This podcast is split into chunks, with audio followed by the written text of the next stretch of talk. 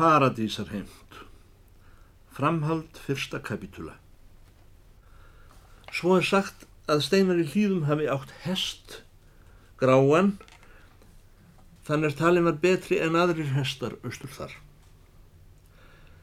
Sá hestur var þess konar undur sem þarf að vera á hverjum bæi.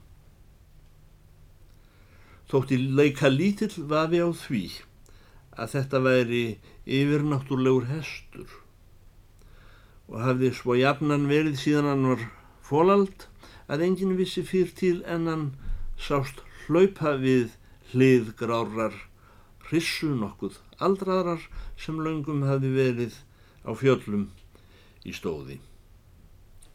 Hún gekk úti um þessar myndir á lónsbökkum en hafði verið höfð inn í miðmundan úr vetrinum og vissi enginn til að hún væri fylfull. Hafi nokkru sinni orðið óflekkaður getnaður hér á landi þá var það í þessu dæmi. Þetta gerðist í hríðar ágöngum nýju nóttum fyrir sumar en jél sem þá verða heita hrafnagusur. Ekkert blóm, ekki súra undir vegg, því síður lóa. Valla að fýll hefði enn sérst flögta upp yfir að gá hvort fjöllin stæði kjur og allt í hennu fætt ný skeppna áður en sjálf vorið fættist. Þessi litli hestur rennur samsíðan í gömlu gránu svo léttum fótum að það var valla hægt að segja að hann tilti niður tánum. Og samt, þessir litlu hófar snéru ekki öfugt og það virtist benda til að fólaldið væri að minnstakosti ekki nikur í báðarættir. En þar sem merin hefði ekki búist til, áhverju átti þá þessi huldu skeppna að lifa.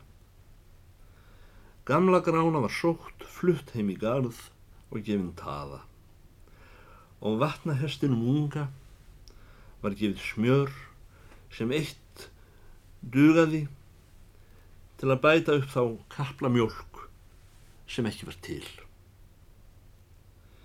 Og helt þar áfram allan tíman milli heis og grasa að nýkrinum unga var færð skakan af stroknum.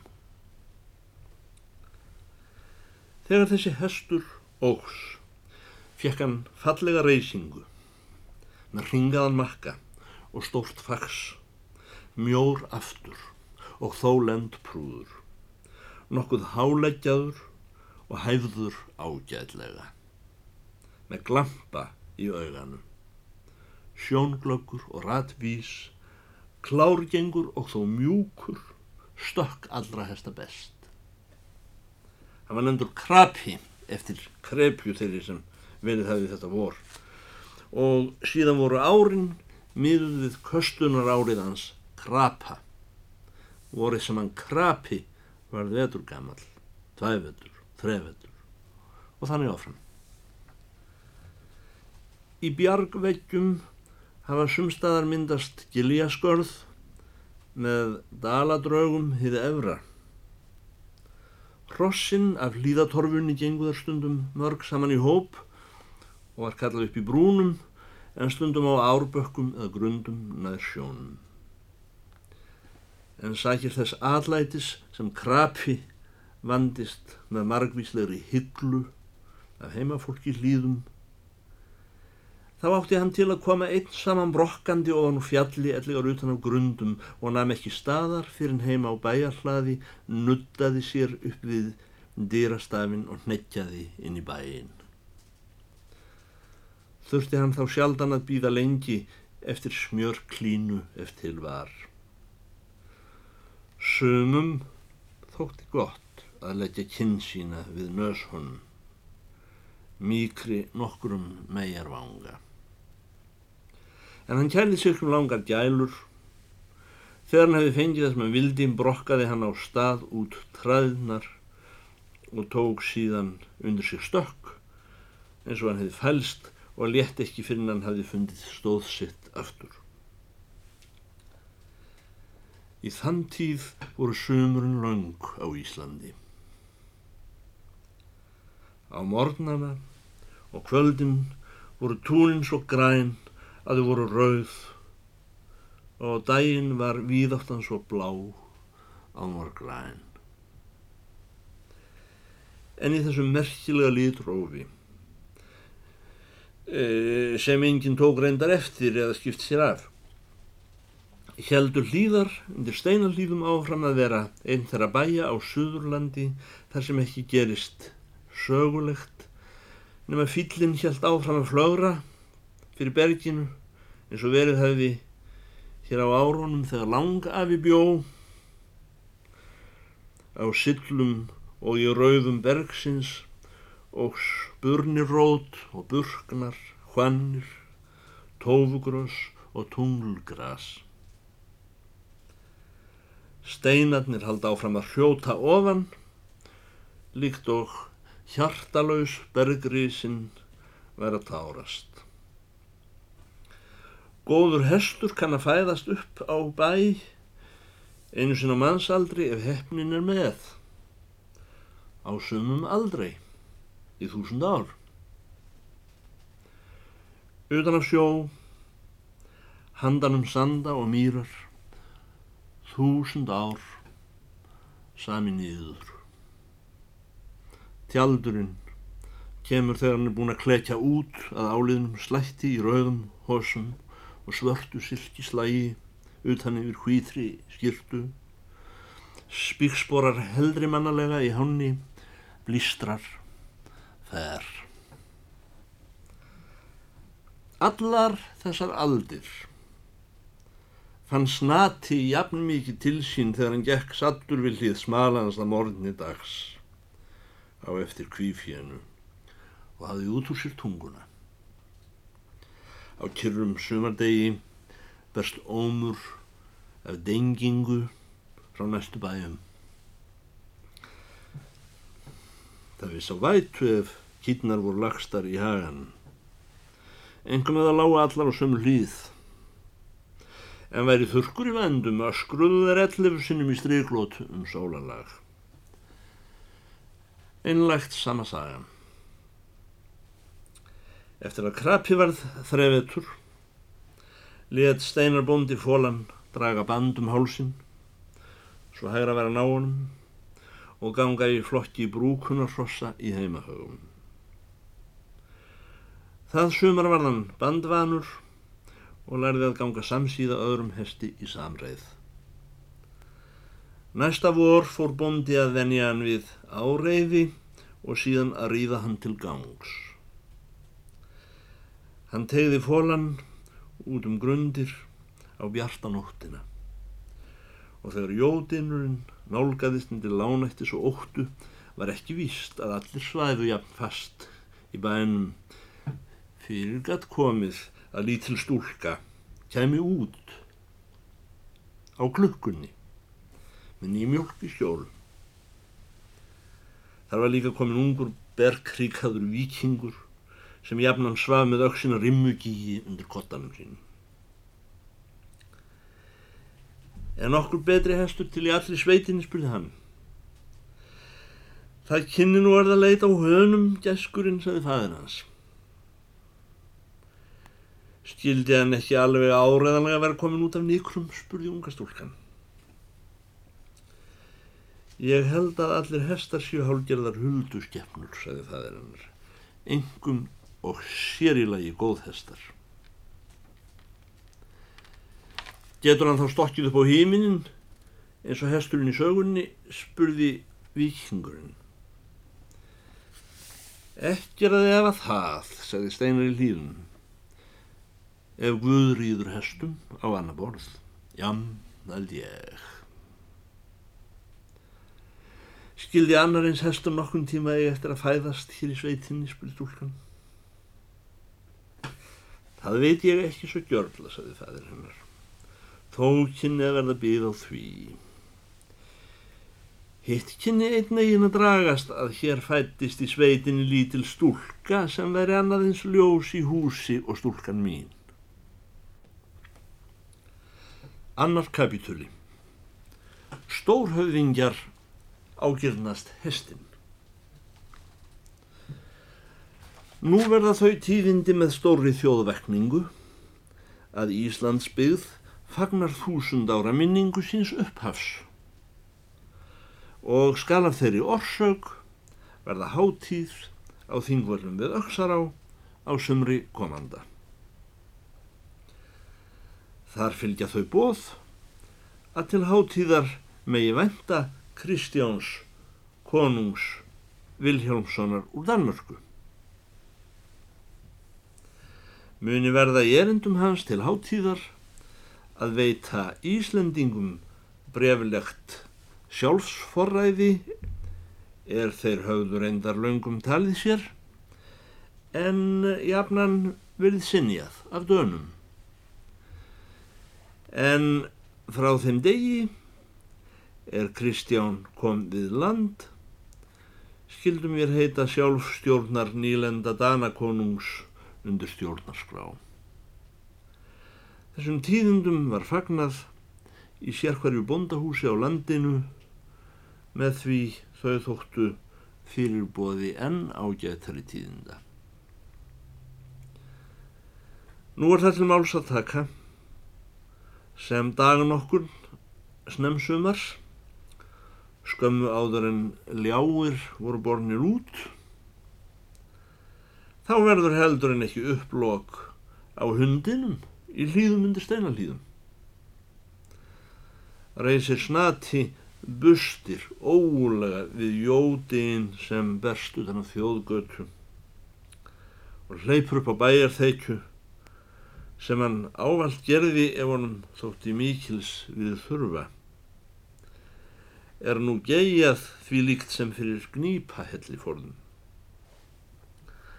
Brálega riðu marg hestaðir gestir í garda hlýðum undir steinallýðum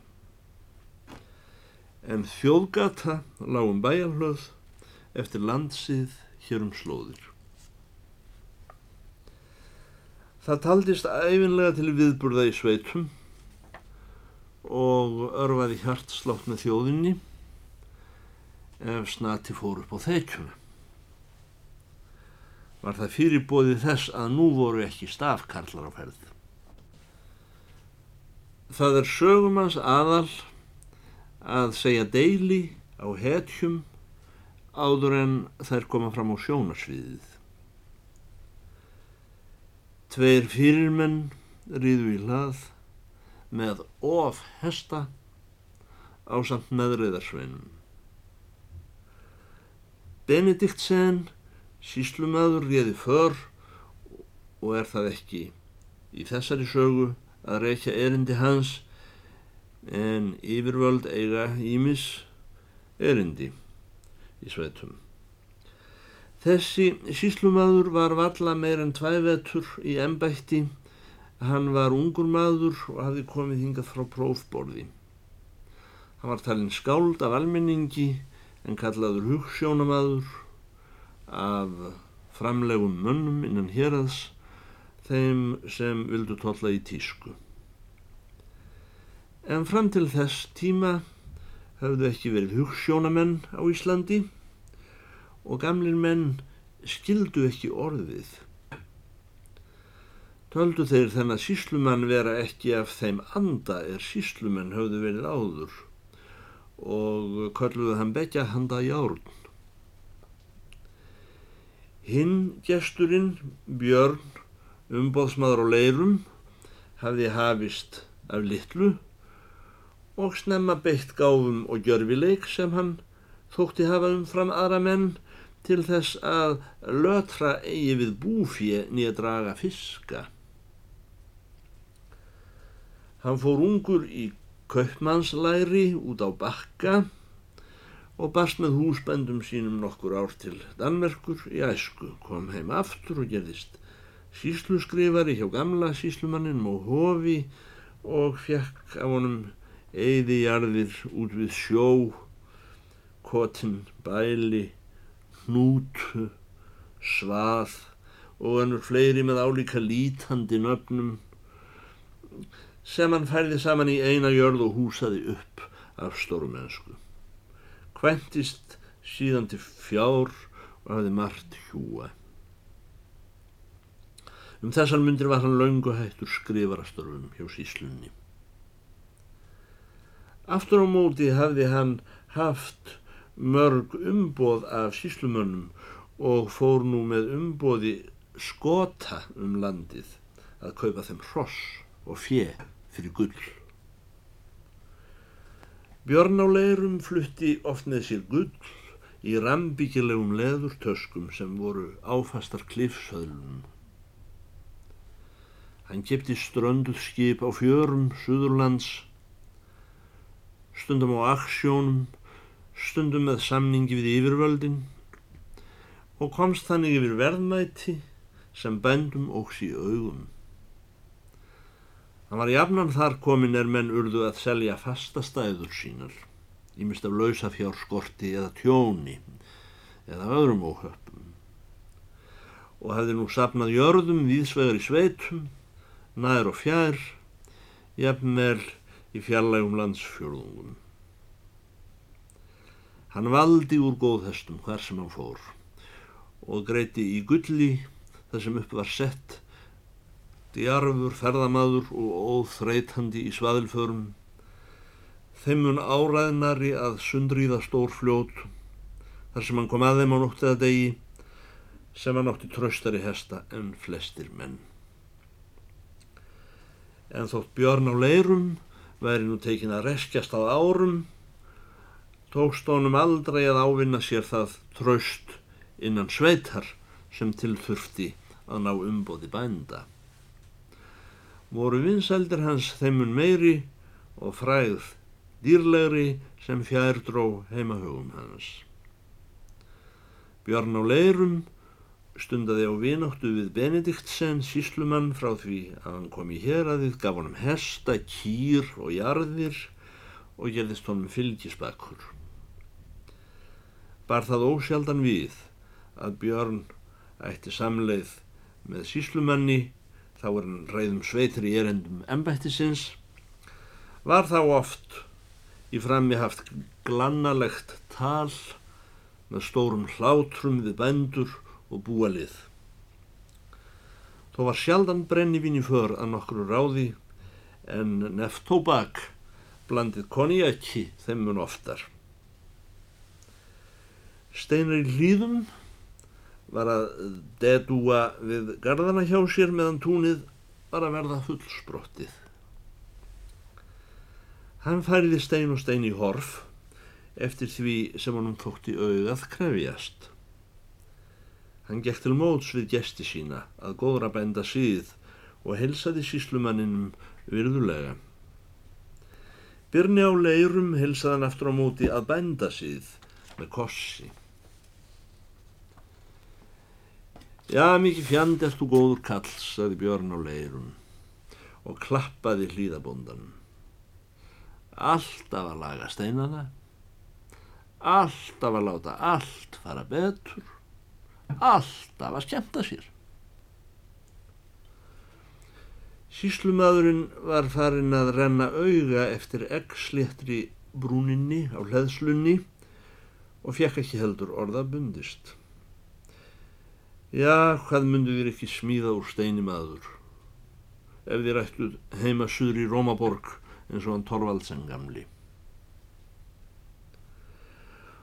Og það væri að þakklæti við Guð ef ég teldi eftir mér að finna réttan stein í rétta smögu.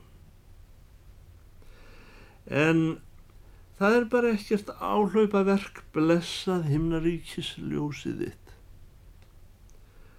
Ganski er ekki nema einn smuga í öllum gardinum þar sem þessi fellur við. Eitt er víst. Aldrei hef ég öfunda þá sem þó kunna að hafa betri skemmtan en ég. Laglegustu kaplarnir í þessum görðum eru nú samt ekki eftir mig heldur eftir hann langafa minn sáluga sem reisti hér allt við eftir jarðeldana miklu og fyrir í öld þegar allir veggir hrundu. Við á þessari öld höfum hvorki auga nýja handlægni til að leggja eins vel garda og þeir gömlu. Auk þessum tímin vinnur þeim í vil og lætur grjótið setjast í leðslunni með hjálp Guðs. Að við bættu svona einu einu handtaki af hálfu eftir komenda. Þangasti koma jarð eldar aft